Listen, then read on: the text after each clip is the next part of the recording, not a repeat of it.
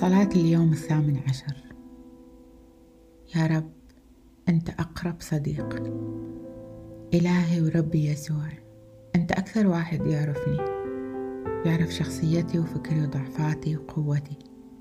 يا رب أنت الوحيد اللي يفهمني من غير حتى ما أتكلم. مع ذلك تحب تسمع صوتي أتكلم إياك وأفضفض لك. يا رب أنت أقرب صديق لي. وأمانتك ومحبتك تدوم للأبد.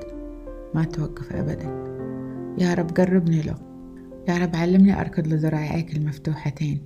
اللي ألقى فيهم ملجأ من ضجيج فكري وضجيج هالعالم. يا رب بطهرك ونقائك اخترت إنك تصير صديق للخطاة والميتين روحيا. واخترت تباركنا وتحيينا. يا رب ما أعمق وما أطول وما أعرض وما أرفع محبتك لنا يا رب. يا رب إبراهيم خليل الله. لكن يا رب أشكرك إن هذه الصفة مو خاصة بإبراهيم بس لكن كل من يعبدك بمحبة وبمخافة ويكون صديق لك.